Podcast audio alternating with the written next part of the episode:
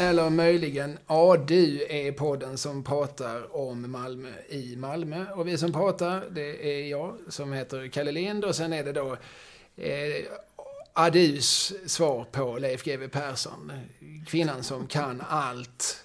Eh, Jeanette Vante Rosengren. Tack för denna börda du lägger på mina axlar. Ja, jag älskar att göra det. Jag älskar att se hur du tyngs ner. Mm. Svetten bryter fram. Det gör faktiskt det. Ja. Ja, min tanke med den här podden är att vi ska prata lite om olika aspekter på Malmö. Och jag ska säga det, för det sa jag inte i det förra avsnittet, det, det vill säga det första avsnittet, det här är ju det andra, att eh, detta är lite inspirerat, eller om man så vill, plagierat, norpat, korpat, tjuvat från en podd som heter Bröta på som eh, handlar om Göteborgs historia. Mm. Som en väninna till mig, Ina Lundström, gör tillsammans med Christian Wedel på Göteborgs-Posten. Den är ungefär likadan, fast den handlar om Göteborg, så den är ju samtidigt helt annorlunda. Mm. Eh, Jag anar, jag har en stark känsla av att våra lyssnargrupper inte alls överlappar varandra. Hade vi förstått den än som vi lyssnar på den? Ja, jag har lyssnat med stor behållning. Mm. Jag, är, jag brukar hävda att jag är den enda icke-göteborgaren som tycker om Göteborg. Ja, Jag tycker också om Göteborg. Ah, Okej, Ja. där dog min teori. Men de eh, gottar ner sig i massa eh, saker som har hänt och som anses, eller som kan påstås vara typiska för någonting. Eh, eller för den staden och för den kulturen, mentaliteten och dess specifika historia. Och vi pratar ju då om Malmö på ett, eh, ett liknande sätt. Förra veckan pratade vi ganska allmänt, det var, skulle nog vissa säga, ett lite fladdrigt samtal på sina håll. Associativt. Mm. Eh, Men vi pratar ju då om Malmöanda, Malmöattityd, Malmöhet, Mm. som Jacques Werup döpte det till i sin bok Hemstaden. Idag ska vi prata om någonting mycket mer konkret än så. Vi ska prata om ett eh, antal eh, bostadskvarter, ett bostadsområde i Malmö. Som är kanske det mest eh, välbekanta för en icke-malmöit. Mm. Det mest ökända, är jag rädd. Du tänker på Rosengård? Jag tänker på Rosengård. Ja. Eh, ska vi börja med att definiera vad Rosengård är? Mm. Det är en, vad säger vi, en stadsdel? ja, det kan vi väl göra, tycker jag. ja, okej. För, den består, för det är en ganska stor stadsdel. Ja, Jag har inte kollat upp eh, siffror, men jag minns att jag en gång hörde att det var 27 000 invånare. Eh, det vill ungefär lika många som i Ystad, brukar man ju säga. Mm. Ja, eller lika många som i Eslöv, Ja. skulle man också kunna säga. Och eh, det vet jag av erfarenhet att där, när man bor i Eslöv så, får, så känner man att det är ganska många. Mm. Ibland känner man att det är lite för få, men det beror på vad det är för dag. Men, men, så den är ju tämligen stor eh, invånarmässigt, men den är ju avsevärt mycket mindre till ytan såklart. Mm. Och Rosengård består i sig av ett antal olika delar. Mm.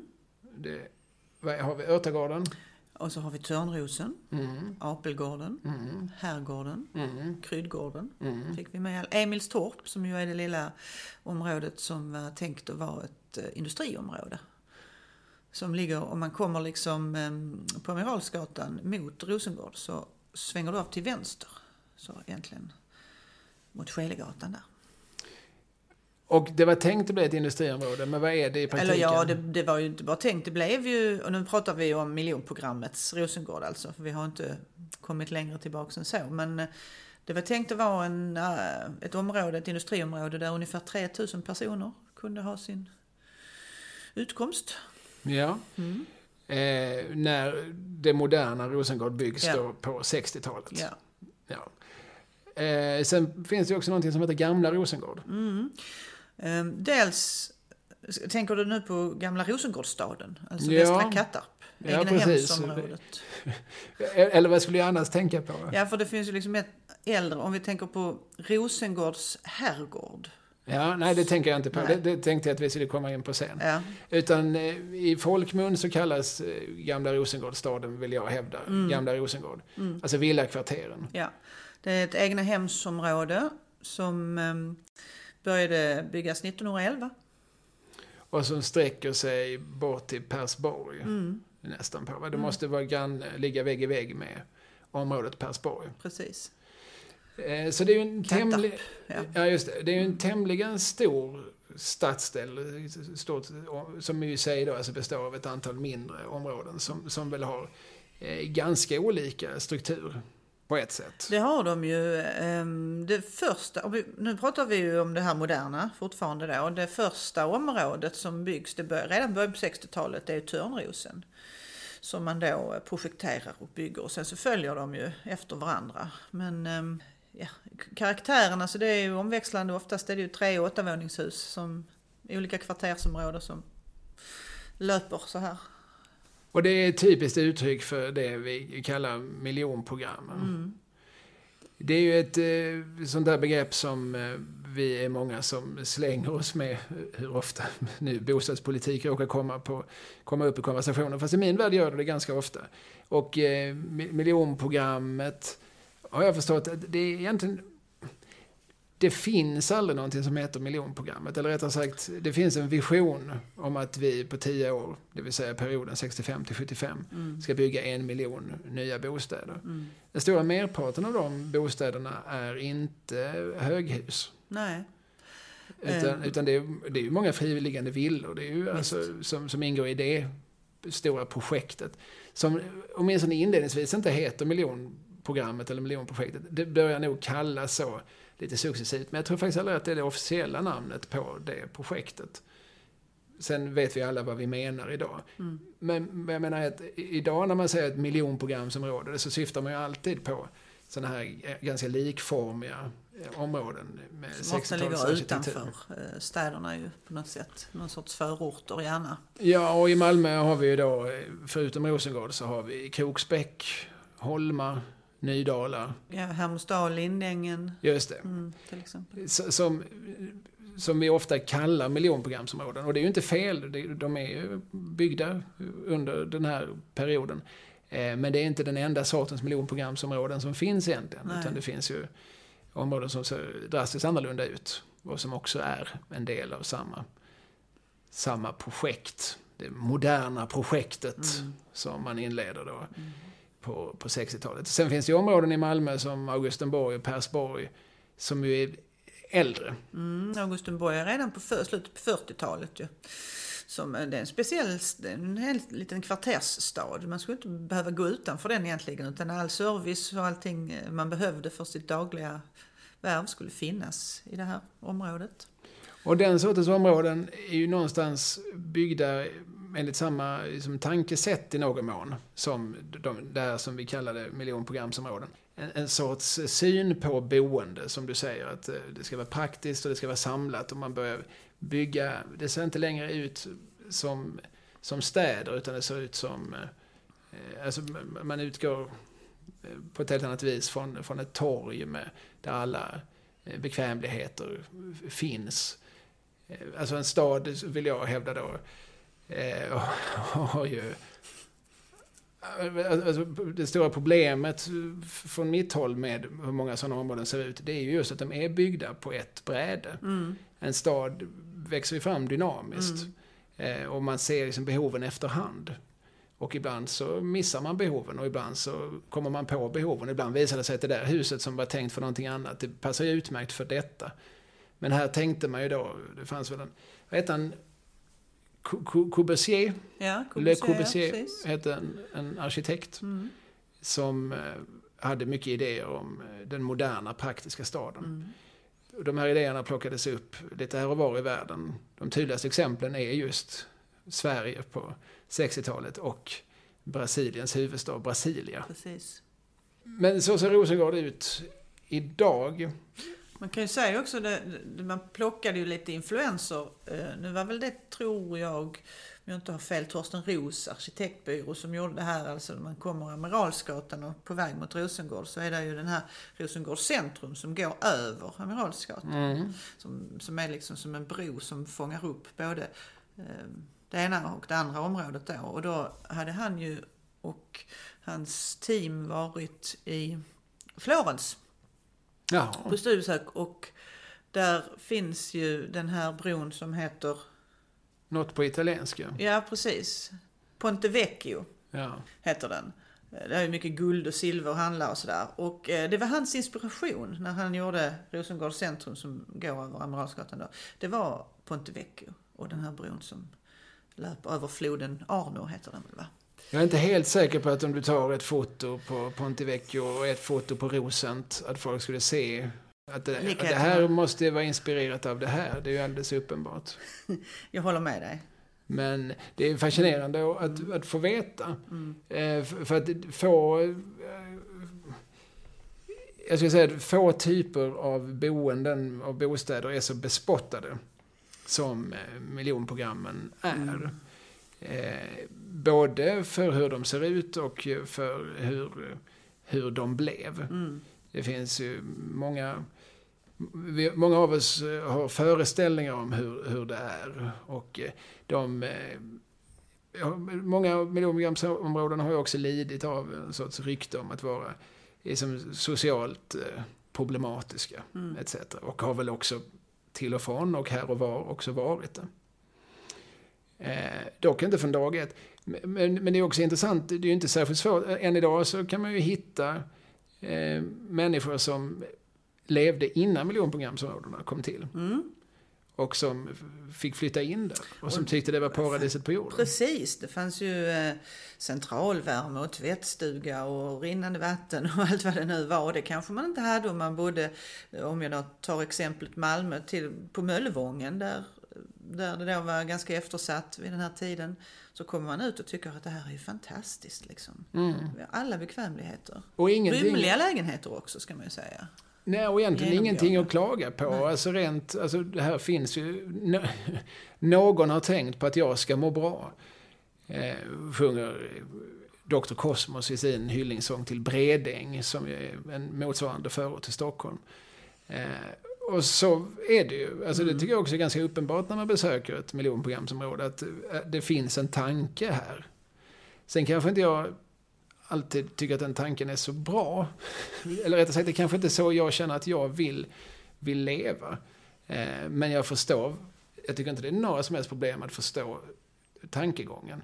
Att det är väl jättebra om vi samlar allting och det är mm. jättebra om här inte är några, några bilgator mm. så, så barn kan springa. Mm. Alla människor som är uppvuxna någon annanstans och som första gången kommer till ett miljonprogramsområde oavsett vilket det är, mm. reagerar alltid på oj vad mycket grönska där är. Visst är det så.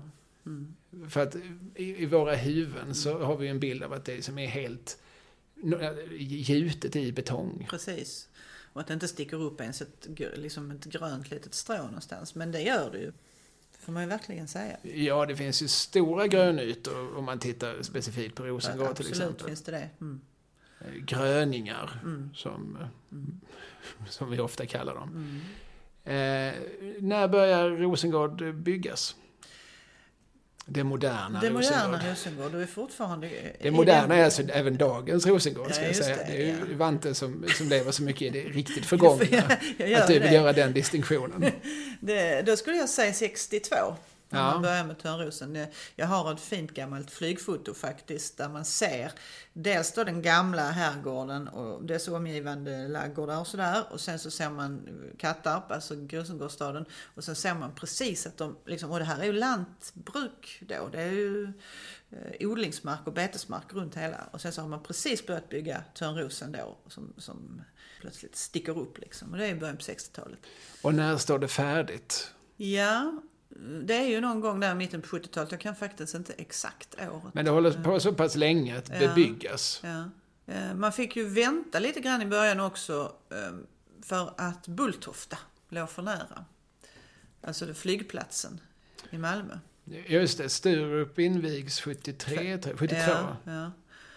Eh, så att det var ett tag där som man fick stanna upp liksom därför att det blev för, flygen kunde inte gå över därför att det blev alldeles för centralt.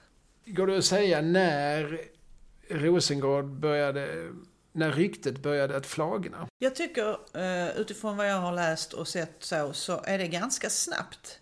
Man är ute och redan i början på, ja, i slutet på 60-talet egentligen, så är man ute och gör reportage och då är det alltid den här bilderna att det ligger en omkullvält kundvagn, gärna i en vattenpöl. Och så är det en svartvit bild och så är det någon gunga som gungar alldeles ensam där och man ser och så börjar man med det här att det står massa tomma lägenheter och ingen vill bo här och det här är bara sovstäder och sådär va. Um, mycket A-lagare och narkomaner mm, och så i reportagen yeah. från, från tiden. Och, De... och det gjordes också många skönlitterära skildringar. Jag har skrivit en bok en gång som heter Proggiga barnböcker. Yeah. Det är en bok som tar upp den sortens litteratur som fanns när jag var barn. Skriven framförallt under 70-talet. Och eh, det fanns ju en, närmast en genre inom ungdomslitteraturen som som utforskar förorten, alltså socialrealistiska ungdomsböcker. Det är oftast i Stockholmsmiljö då. Men de, eh, de, man får liksom en bild av att alla de här författarna har gjort samma research. De, de, de kanske åkte samma studieresa mm. med, med, gröna eller röda tunnelbanelinjen och mm. så tittar de på samma hörn. För att det är väldigt mycket samma bilder som dyker upp hela tiden. Det, det är liksom betongen och, och sen som till detta kommer också då eh, lite invandring. Det är inte mm. så mycket Nej. på 70-talet. Men det är, det är, då är det lite greker och lite finländare när vi är i Stockholmsmiljö. Men framförallt många alkoholiserade ensamstående mödrar förekommer alltid i, i de här socialrealistiska ungdomsböckerna. Mm. Men då är vi alltså tidigt 70-tal. Mm. Då är det här fortfarande ganska nytt. Mm. Och ganska, ganska rent och ganska eh, allting måste ha fungerat hyfsat väl. Mm. Eh, men, men väldigt fort så, så går det från att vara liksom, den stora visionen om det moderna boendet där den moderna människan ska kunna bo i, i lugn och ro och med rätt avstånd mellan vask och spis. Och så sammanföll det också lite grann med gröna vågen så att trots att det var en enorm bostadsbrist men när man bygger allt det här då så är det samtidigt många som söker sig ut till eh, landsbygden eller mindre, vad det nu kan vara, Staffanstorp och sånt där. Alltså det står ju många tomma lägenheter, inte minst på Rosengård. Då tycker man också att det här är början till ett förfall på något sätt. Mm. Grönskan har inte hunnit bli grön, den har inte hunnit växa upp. Det är inte så konstigt att det ser ut betongigt ut när det inte... Så gjorde det i Västra Hamnen också de första åren. Det gjorde det faktiskt. Och sen är det någonting som jag tycker att människor som är uppvuxna i eh, alla möjliga sorters eh, som nybyggda områden vid olika tider. Stefan Sundström till exempel som är uppvuxen i en Stockholmsförort som heter Farsta. Mm. Eh, som, dit hans föräldrar kommer någon gång i början på 60-talet till, till en plats som är helt nybyggd. Och eh, de kommer dit, alla andra som flyttar in kommer dit samtidigt. Ingen har en historia mm. här. Alltså det blir någon slags ufo som svävar av sig självt uppe i, i rymden. Alltså, det, det, tror jag där och då, alltså i de här skildringarna från 60-70-talet, kan ha hjälpt till att skapa någon sorts stämning av att, att det här inte, det här betyder inte så mycket för de som bor här. För de, vi, vi har, de har ingen förankring här egentligen.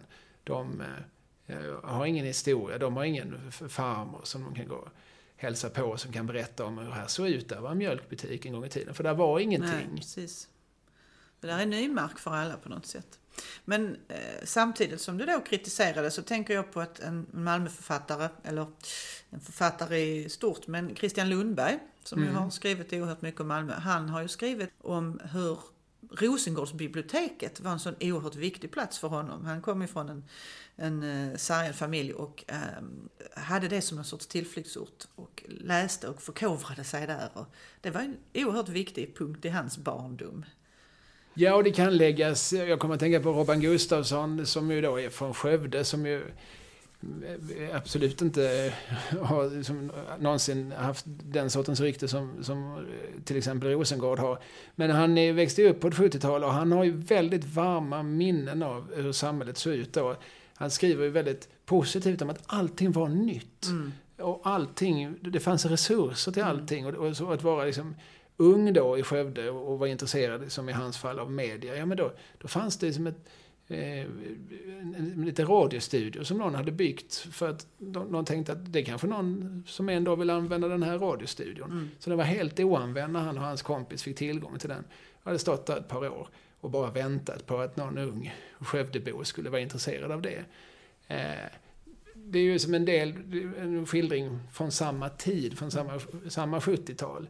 Och han minns det verkligen, han återkommer till det flera gånger i sina memoarer, hur, hur nytt och hur mycket det var och hur, hur påkostad man kände sig som, som tonåring. Jag har mycket lätt att relatera till det. Jag kommer själv från Söderkulla som ju är ett sådant område. Nu är förvisso huset jag bodde i då, det är ett sånt där åttavåningshus. Det byggdes redan 61 va, så det är lite grann före. Men många andra, eh, alltså området i stort byggdes under den här miljonprogramstiden. Och det var ju som du säger här, det var ju mycket grönt, eh, öppna gårdar, inga bilar. Det var massvis med barn och ungdomar och vi i varenda källare i de här olika utrymmena så fanns det eh, Unga Örnar, Frimärksklubben, ballett. Alltså vi kunde göra precis allt. Fotboll och handboll och vad det nu än var. Det var liksom, man behövde aldrig lämna området kändes det som. Vi hade till och med skiv-esset. Bara en sån sak. Alltså skivbutiken Skivässet hade en fil- som ja. ligger på, nu för tiden i alla fall, på Nobelvägen. Ja. De hade en filial. På eller? Söderkulla. Ja. Förstå. Det var grejer. Ja. ja, nej men det här säger vi lite grann då för att ge liksom motbilder till, till nidbilden eller den svarta bilden mm. som finns. Så, som, som, där man drar väldigt mycket, dels alla miljonprogramsområden över en och samma kam. Och dels som, där man kanske ibland glömmer nyanserna och bara målar i svart. Mm. Det här är saker som inte ska glömmas. Jag är ju själv faktiskt född och i någon mån uppvuxen i ett område som heter Klostergården i Lund, mm. södra Lund. Där, ja. Eh, och min fru är uppvuxen i huset bredvid mitt och hon bodde kvar där mycket längre. Och hon har ju bara positiva minnen från sin, från sin barndom. Har ni känt varandra ända sedan dess alltså? Nej. Nej Vi måste ha träffats ibland. Mm. Dock inte, hennes föräldrar vägrar handla, eller hennes mor vill inte handla på Konsum. Och vi handlar bara på Konsum. Så vi har inte setts i matbutiken. Mm. Men vi, vi bör ha sett varandra i någon buske någonstans. eller på någon lekplats. Eller så. Men, men, Jag eh. Mm. men hur som helst, nej, men, att, att bo i den sortens område där inga bilar är hotade, där man upplevde som en, en väldig trygghet, där det bodde väldigt många barn i samma mm. ålder i, i husen. Och, alltså, då, då har du ju fyra hus som, som ligger i en fyrkant och i mitten finns det en, en stor gård med en liten kulle och en liten lekplats och en liten fotbollsplan. Eller en plan som går att använda till valfri bollsport. Och där, där dit kunde det som en vanlig dag finnas 30-40 eh, ungar som sprang runt. Mm. Och föräldrarna kunde gå ut på balkongen och ropa ner att nu är det mat. Ja men så var det ju absolut. Ja. Hos oss också. Mm. Och så var det ju tänkt. Alltså då gjorde folk så som arkitekterna mm. hade presenterat för politikerna. Så här kommer folk att leva. Titta här så, så praktiskt och, och, bra för alla inblandade. Sen tar ungarna bara hissen upp.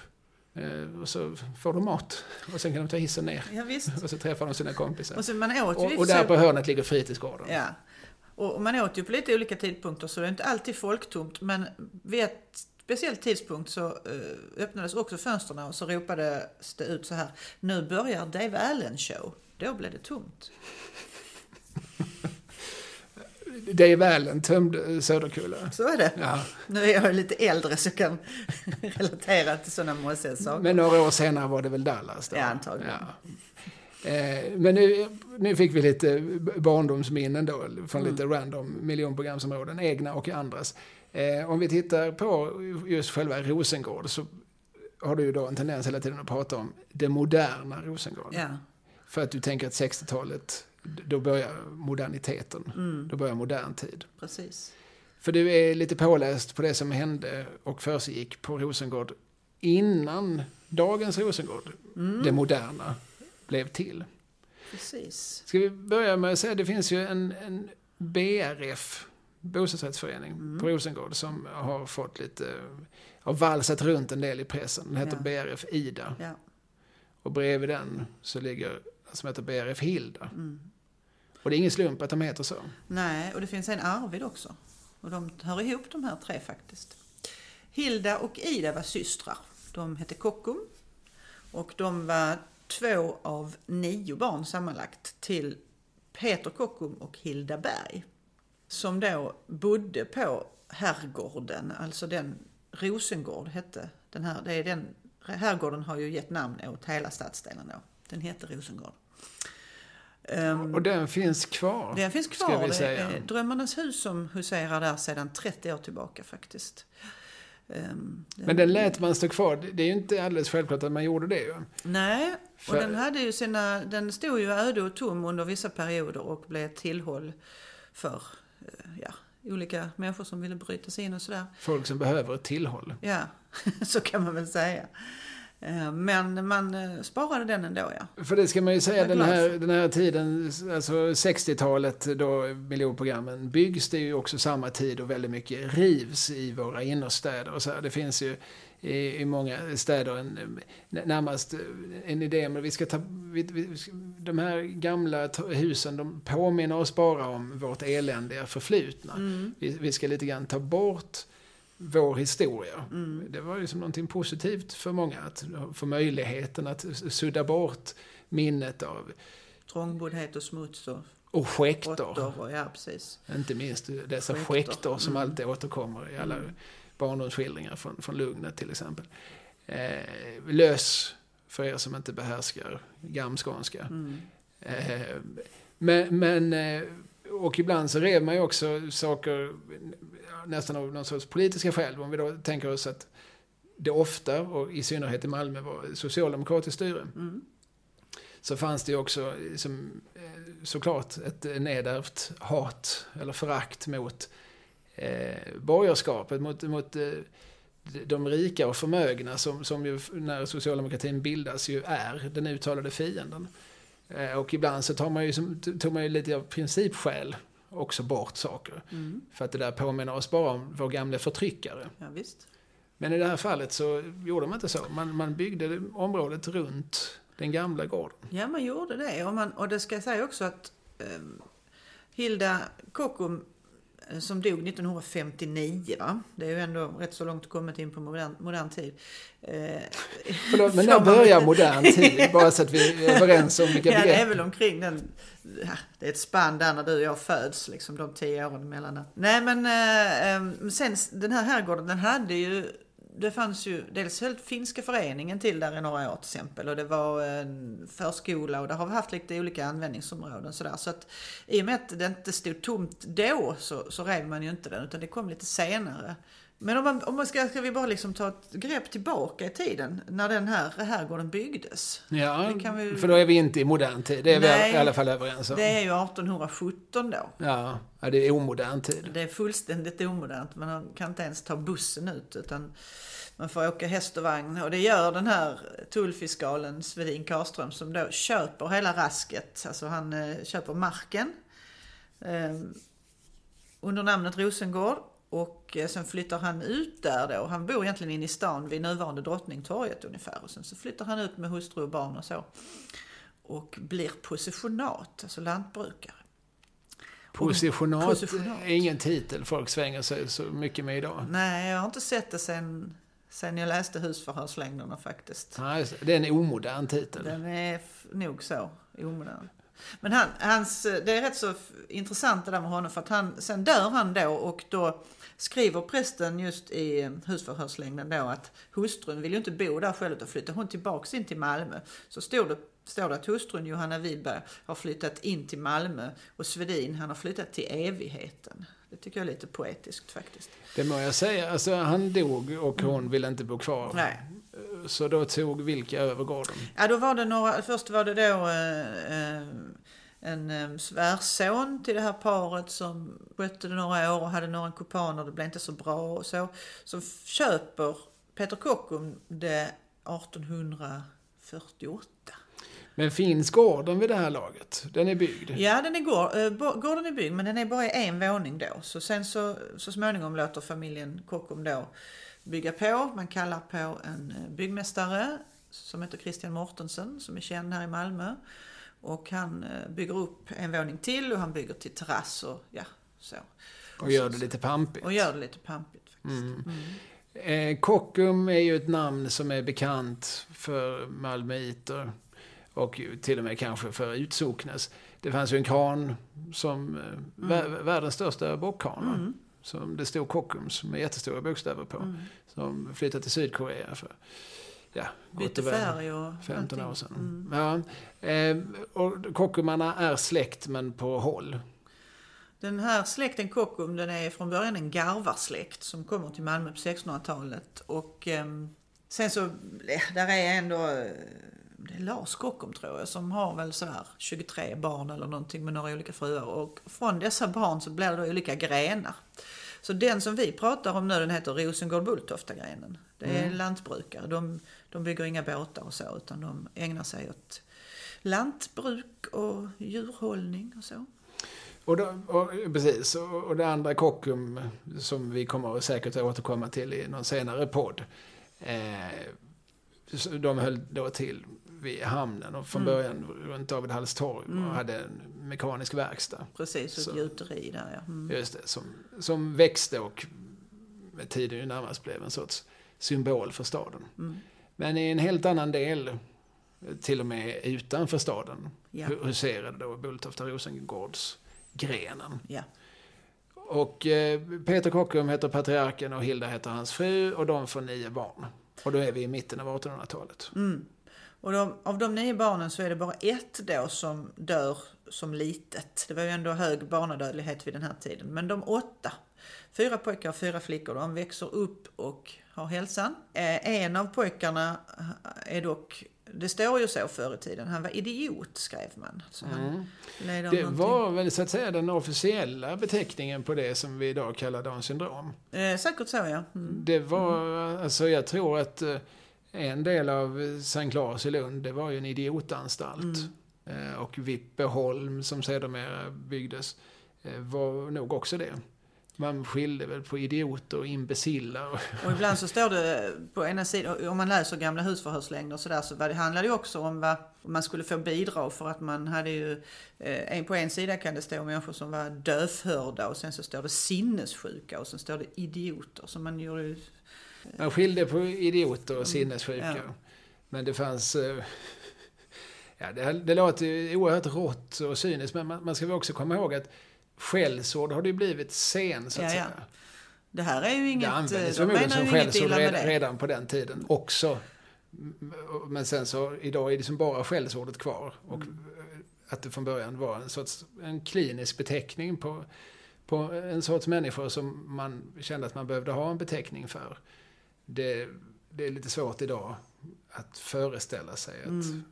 det, inte hade den laddningen på det Och sättet. Det är mycket statistik också. De för ju det här i varje socken därför att de ska få bidrag naturligtvis också. Så då måste man ju ha en eh, statistik liksom på hur det ser ut.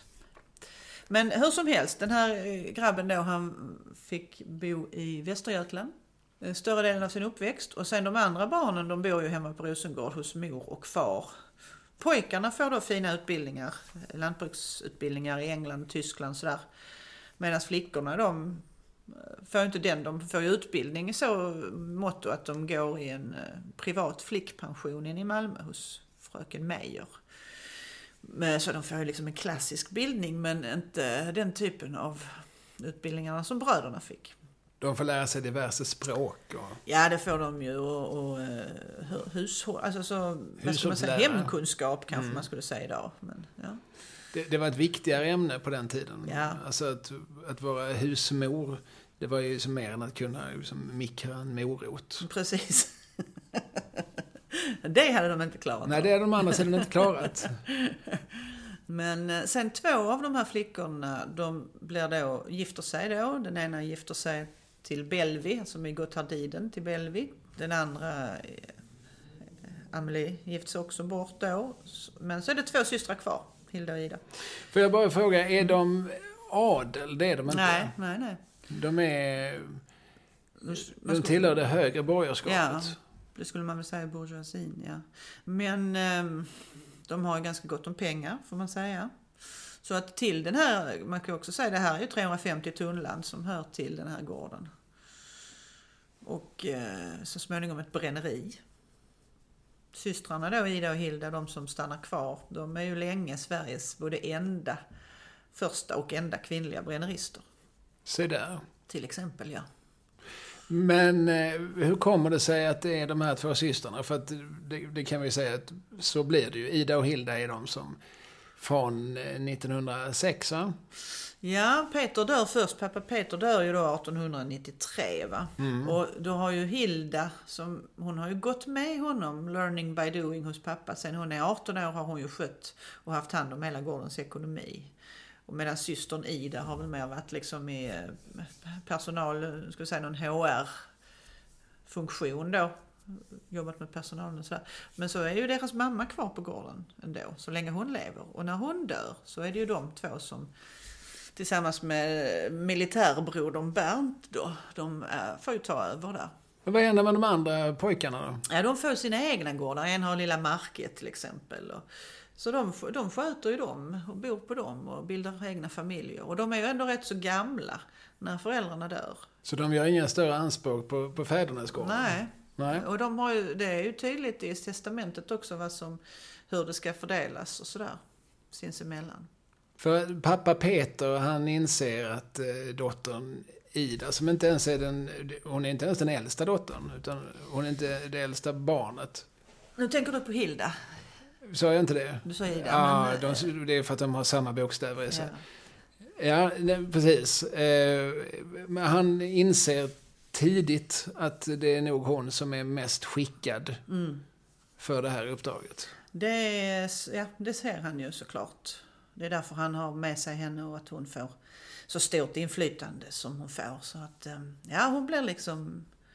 Det är hon som blir positionaten efter honom helt enkelt. Ja, och utan att tillskriva honom allt för många goda egenskaper så här, men det känns ändå som att det är lite framsynt, lite radikalt att överhuvudtaget kunna se att ja, här har vi en sån där varelse som, ja, med menstruationscykel och sånt. Att, att en sån ska, ska, ska kunna driva ett, ett, ett gods. Alltså det här är ju en tid, det är visserligen innan vi ens har allmän rösträtt, men ännu mindre innan vi har allkvinnlig. Visst är det så. Alltså, Hi- Hilda är ju, fö- alltså, Ida är född 1860 och Hilda född 1862. Så det kan man ju själv räkna ut då att eh, visst, han är tidig på något sätt med det. Det får man ge honom. Ja, alltså faktiskt. Alltså, Det låter ju alltid som att eh, det, det krävs inte så himla mycket för att bli, betraktad som, som radikal i sånt tidevarv. Men han måste ha sett förbi väldigt många av samtidens konventioner. Att överhuvudtaget liksom, liksom tänka sig, alltså, han har ju ändå fyra söner. Att, att, att, att säga... Utbildade söner dessutom i, i skrået, ja. Ja, och liksom, nej, det är inte, ni fyra är inte lika lämpade som, som Nej. er syster. Nej. Nej, men det har han ju såklart absolut sett. Och vad är det han har sett? Går, går det att se idag, vad han såg då? Hon, ja, eh, det är svårt va, men Nej, Men jag tänker det finns inga brev eh, eller andra sorters dokument där vi kan liksom spåra hur han ser på sin dotter. Inte den typen av, men, men man kan ju ändå, det är klart att det finns korrespondens sparad, det finns det ju. Och det finns dagböcker, inte minst har Hilda själv skrivit dagbok. Och då kan vi också följa henne. Hon, hon gör ju faktiskt lite bildningsresor innan hon då får ta över, alltså i sin, sina tonår kan man säga. Så åker hon ju faktiskt runt i eh, Italien och lite andra länder och, och ja, sådana klassiska bildningsresor som borgerskapet skickades på förr. Va? Så att det är klart att hon... Och det är ju naturligtvis eh, för att förbereda henne.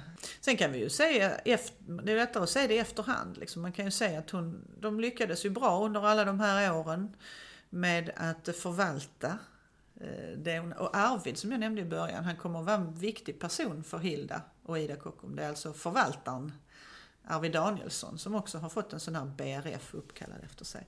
Han är ju den där hands-on mannen som hjälper dem med den dagliga skötseln kan man säga. Men sen är det ju ekonomin. Hilda då, hon är ju den som bestämmer. Det är ju absolut så. Hon är gårdens förestånderska. Det är inget tvivel om det. Hur stor är gården?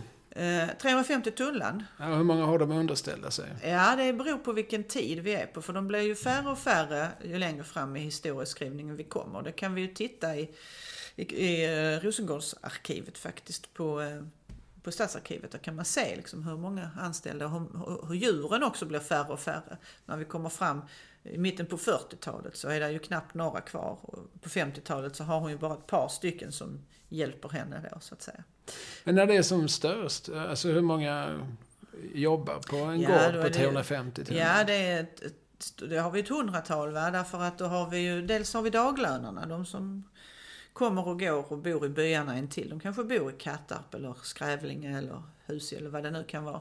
Och sen så har vi ju statarna. Det finns ju statarlängor alldeles intill då. Och sen så har vi ju de som är anställda som bor på gården. Det är ju många människor det med och då bor man ju med sina familjer oftast. Och sådär. Sen de har ju stora odlingar, de har ju de har mycket potatis naturligtvis, de har ju ett bränneri, det säger, hänger ihop det där. Sen så har de ju Eh, stora eh, tomat och jordgubbsodlingar, till exempel där hela Rosengårdsbadet ligger idag. Det var ju eh, stora odlingar. Så sålde man av det här överskottet på salutorgen i Malmö sen. Men det var ju mycket för eget bruk. Och så har man djur, det är mycket grisar, får, höns och så vidare. Men funkar det, alltså du pratar om överskottet där, men överskottet det är ju egentligen en bonusprodukt. Alltså framförallt så, så är det någon sorts eget kretslopp. Ja. Man, eh, man gör mat till sig själv. Man gör mat till sig själv, ja. Och det, är, det är lite roligt därför att eh, idag, Drömmarnas hus idag, nere i den så kallade folkastugan, det vill säga källaren, där hade man förr var det alltså matsal för de anställda. Det är det faktiskt idag också. Där serverades då, det finns ju berättelser om det här vad som stod på bordet när klockan klämtade och det var dags att äta för alla de anställda och sådär. Men då kan man också se att eh, Hilda själv har på väggarna har hon låtit sätta upp sådana här ordstäv. Goda seder framåt leder och sånt där. Alltså långa rimmade verser om hur man ska ta vara på maten man har och hur man ska vara tacksam och glad för det lilla och så vidare. Alltså apropå det här att det du dagligen går och jobbar med det, är det du också sen får på ditt bord. Mm. Men där satt, alltså det är så pass stort att där kunde hundra personer sitta? Ja, alltså inte samtidigt. Alltså de, och de hundra, alla var ju inte som sagt i, eh, i tjänst samtidigt. Det berodde väl mer på om det var skördar och sådär. Då anställde man ju in fler naturligtvis. Men detta gods driver då de här systrarna framgångsrikt mm. från 1906 och fram till 1959? 59 dör Hilda, hon är ju 97 år då gammal alltså. Ja. Och, men hon dör på sin post? Ja, in i det sista är hon verksam och eh, klar i huvudet. Och hon är också flitigt intervjuad i olika Idun till exempel och sådär i olika tidningar. Som var en veckotidning för den, de kvinnliga läsarna. Slogs sedermera ihop med Veckojournalen till Idun Veckojournalen. Och där, men där berättar hon ju långt upp i åldern, och hon är över 90 år när hon intervjuade sista gången. Och då går hon runt där i, i, huset och berättar och visar och pekar på de olika möblerna. Så berättar hon att de här möblerna, ja de fick mina föräldrar i lysningspresent. Och då hajar man till liksom, för då tänker man, ja men det där var ju mer än 100 år sedan. Så det var ju inget slit och släng på Rosengård får man ju lov att säga. Det måste man ge dem. Det måste man ge dem. men 97 eh, år gammal dör matriarken. Mm. Och eh, sen så sa vi att det moderna Rosengård började byggas 62-63. Ja, för ett, först är det ju då såklart, nu har ju de, de gifter sig aldrig de här två. Nej. Och de får alltså inga arvingar utan sen så ska det hela det här stora, det ska då delas på olika syskonbarn och ja, det finns ju förordnat i testamentet hur det ska delas. Och det, det görs ju också då. Så att man tömmer alltihopa och sen så hittar man då lite olika saker som man inte vet vad det är. Till exempel högst uppe på vinden så hittar man en märklig möbel som inte tas upp i testamentet. Och det är om du tänker dig en schäslong, va? sån här mjuk härlig som man ligger och äter praliner på. Mm, man och man. Eller ja, Men ja jag du förstår. kanske har gjort det någon gång eller så. Men där, eh, där finns ett stort hål i den här, den är stoppad. Så. Men det är ett stort hål så undrar många då, vad, vad är det här? Och till slut så kommer det fram någon som vet att det här är ju Hilda, alltså den äldre Hilda, Hilda Berg. Det är hennes förlossningsstol. Så i denna pjäs har hon då framfött alla nio barnen. Och då kan man ju undra, var fanns läkaren eller barnmorskan? Det är inte ergonomiskt, tänker jag. Nej, och jag mm. förstår inte riktigt var hålet sitter. Ja, det är liksom... Eh, På mitten. Ja, alltså... Men satt hon upp? Ja, någon sorts halvliggande ställning. Och vad föll barnet ner i? det undrar man också mycket. Ställde de en balja under? Många frågor på det där. Ja. Ja, faktiskt. Men jag är inte säker på att jag ska ställa dem dock. Eh, men för att fortsätta på din linje där. Sen är det en lantbrukare som arrenderar ett år efter alltså 1960. Och sen så, och de har ju också sålt av kan man säga, systrarna, eh, över tid när man då lever ju i det här att, eh, ni vet, jordbrukssamhället, det blir ju mm, liksom, vi går ju från att ha varit ett jordbrukssamhälle till att inte vara det längre. Och de har sålt av en hel del av sin mark, hela det som är Östra kyrkogården till exempel, det var Kockums mark. Och hela det som då blir det nya Rosengård, det är ju också deras mark.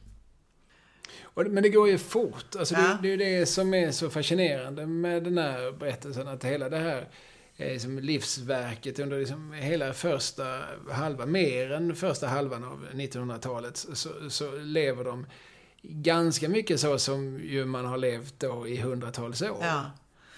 Jo men det är ju soirée dansant och det är landshövdingen på middag och sånt där ja. Ja, visst. Sen så, de skaffar sig automobil och de skaffar sig telefon och, och, och sådär. Så de, de är inte motståndare till, till nymodigheter på det sättet. Men, men fortfarande är det ju som ett jordbruk och man brukar jorden på... eh, Man effektiviserar väl det såklart på olika sätt om, om man... eh, Det, det kommer ju in maskiner i bruket och så, men fortfarande så, så är det ju väldigt... Påminner det väldigt mycket om eh, hur det sett ut i många generationer. Och sen är det på bara några år så, så är det ett nytt slags samhälle som växer upp på samma yta. Det, det blir en sån tydlig bild på något vis av vad Sverige, Sverige faktiskt, alltså, om Rosengård är en del av Malmö och Malmö är en del av Sverige. Eh, Hur, hur snabbt det går för oss att, att eh, omvandlas, transformeras. Jag tänker på det där att i slutet av sitt liv där liksom 1958 då står hon fortfarande, går hon ut på Förstebron och så, så ringer hon i en sån här klocka när hon vill förvaltaren något eller chauffören. Då ska de komma och inställa sig. Samtidigt inne i Malmö så arrangeras ju fotbolls-VM i det här nya nybyggda stadion och stadionstaden, vill säga Lorensborg, som byggs upp parallellt med detta. Va? Och det finns eh, kvinnliga poliser har börjat bli anställda i samband med det här. och Så, så det är en oerhörd anakronism när de fortfarande ikläder sig det här herrgårdslivet och lever det den sista stunden som det går att leva det på något sätt. Ja, precis. Och i samma ögonblick som hon trillar av pinn så, så är det som att eh, folk står beredda att, eh, att kavla upp och okej, nu ska vi upp med, med, med teglet. Här ska, här ska det gå en 70-väg. Precis. Här ska vi ha ett köpcentrum. Inspirerat av Florens. Ja. Ja. Eh, det, det är ju djupt fascinerande tycker jag. Att, eh, att tänka. Det är ju en sån där eh, klyscha nästan. Att i, i Stockholm och så, så tror de att Rosengård är en förort. Mm. Medan vi, som bor här, vi vet ju att det ligger ju närmast mitt i staden. Ja, ja, ja, visst. Eh, men- Åtta minuter att cykla från triangeln liksom, eller så. Ja, precis. Och då I Stockholm byggde man ju på ett annat sätt. Alltså, där hade man ju, det- utgick man ju ganska mycket från tunnelbanelinjen. Att med lagom avstånd längs tunnelbanelinjen så kan vi ju bygga ett sånt här litet ABC-samhälle som ju också var en beteckning. Vällingby är väl ett sånt va? Ja, det var väl det- första ABC-samhället, alltså ABC som är arbete, bostad, centrum. Eh, Och det stod väl klart, tror jag, 53. Eh, Så det är ju som pre-miljonprogrammen som sådana. Men, men samma sorts tänk fanns ju redan. Eh, vart var jag på väg med detta? jo, det går fort och vi får också så tydlig bild av eh, vad, vad Sverige var i början av seklet och vad Sverige blir i slutet. Eh, speglat i den här specifika platsens historia. Man kan bara ta ett kort exempel och säga alla de här statarlängorna som fanns på Rosengård. Jag menar efter krigsslutet där, du, du som har skrivit mycket om statarna, det är väl 45 någonstans det systemet upphör va? Ja, det är 1945. Och då, det sammanfaller ju då med andra världskrigets slut och när statarlängorna på Rosengård töms, jaha, vad ska vi ha dem till? Ja, men vad passande, nu kommer det en massa eh, flyktingar här så att eh, då blir det betplockare till exempel, som ja, olika polskor och ja, vad de nu kan komma ifrån som anställs och får vara med där i, i jordbruket och, och hjälpa till. Ja, och, och eh, liksom, 20 år senare, alltså 20 år är ju ingen tid, Nej. så står det på den platsen istället åttavåningshus. Så är det ju. Alltså du, absolut. du och jag som, som ju är medelålders, Mm.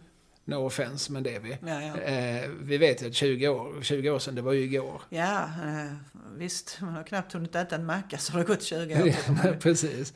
Och den, sam, på samma tid Mm. så, så sker den här liksom enorma Ja. eh, samhällsförvandlingen. Där är ju Rosengård såklart, den är ju användbar, det, det du har berättat här, det är ju användbart som ett exempel. Mm. för, att, för detta sker ju faktiskt på något vis i hela Sverige. Och kanske specifikt i Malmö. Jag, jag får liksom en bild av att Malmö lite grann var, åtminstone liksom socialdemokratins eh, mönsterort. Eller liksom, vi, vi, man gick alltid ett litet steg längre Mm. här med, med den här sortens projekt som ju, som ju åtminstone i någon mån var socialdemokratiskt administrerade.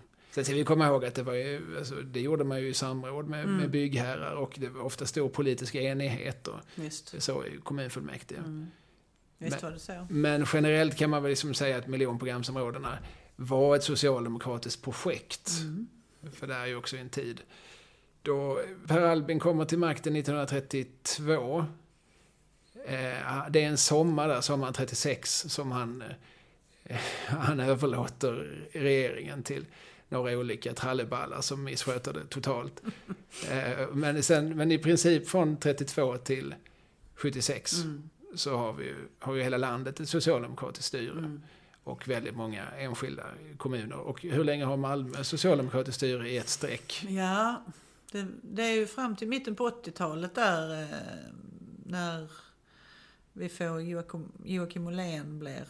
Ja, precis. Är det valet 88 eller 85? Nej, jag tror det är tidigare. 85 måste det Ja. vara. Ja, Så Malmö höll liksom på något vis fortet Ja. ytterligare nio år. Visst e-. Efter att, och då, då ska vi komma ihåg att den, den här första... 76 så förlorar ju då Palme mot Fälldin. Mm. Och även 79 är det faktiskt Fälldin som blir statsminister. Så det är ju en sexårsperiod. Eh, för- Men 82 kommer ju Palme och socialdemokratin tillbaka. Mm. Eh, Även på riksnivå. Så att, men, men hur som helst, alltså, det, det är ingen överdrift att säga att det här är som ett socialdemokratiskt präglat projekt. Eh, och framförallt administrerat. Mm. Det var ju de som, som hade makten, det var de som, som pekade med hela handen. Sen gjorde de det eh, med de flesta människors mandat, de flesta andra makthavares mandat. Nåväl, har vi som tecknat en bild av Rosengårds förhistoria. Mm, det har vi väl. Jag tänker också det här på en bild, liksom en, ett foto. Jag samlar ju på lite gamla Malmö vykort också. Då har jag ett sånt där underbart 70-talsvykort från Rosengård. Det är knallgult va? Och sen är det fyra sådana här små bilder där man visar motiv av området då. Och på alla de här små fyra bilderna så är det bilen som är det centrala. Då visar man eh, Amiralsgatan, ehm, ja, och, och, och parkeringsplatsen på Rosent och två andra gator där det bara är bilar och vägar. Det är inte liksom något grönt eller lummigt eller någonting utan det här är bilen, det moderna, det nya. Detta är Rosengård. Detta vill vi förmedla. Man ska ta bilen till och med till, det känns ju 3000 parkeringsplatser på Rosent. Bara en sån sak. Ibland är det lätt att känna att eh, ingenting är så omodernt som modernitet. Mm. Du, jag tänker det ska få vara slutordet för det här samtalet om Rosengård. Ja. Eh, Du som har lyssnat har lyssnat på ADU, eller möjligtvis ADU-podd. Eh, Man kan mejla oss på adupodd gmail.com Podd då stavat med två D. Eh, Men man kan ju också bli Patreon, kommer du ihåg om man blir det? Man går väl in på någon sida, eller Ja. var det nu? Patreon.com. Och där letar man upp återigen ADU-podd med två D. Eh, och så kan man bli en patron. Det innebär att man kan eh, så förbinda sig att eh, betala en månatlig summa. Och det kan ju vara hur lite som helst, men det kan också vara hur mycket som helst. Mm. Och vi rekommenderar väl egentligen, Rätt så mycket. ja precis, om man nu väl blir patron så kan man väl lika gärna slänga på några tusenlappar. Och sen kan man ju ha det på sitt visitkort. Patron. Patronus. Det kan man faktiskt bli beskyddare, Ja. beskyddare av ADU-podd. Precis. Det skulle vi kunna erbjuda. De som, de som hostar upp, säg tusen spänn i månaden. Vi, Ja. vi erbjuder ett diplom Ja. i guldskrift. ja. Alltså guldfärg ska vi säga. Vi kommer inte Bladguld. Ja. Nej, det får stå för dig. Men, men eh, någonting som skimrar i alla fall. Allt är ju Mm. inte guld som glimmar. Eh, där det står, jag är en stolt beskyddare av ADU-podd. Jeanette Vante Rosengren, alltid ett nöje att samspråka. Det är detsamma. Om en vecka ska vi prata om någon annan aspekt av Mm. Malmö. Eh, ha det så gott till dess då. Mm. Ta hand om dig. Detsamma. Allt beror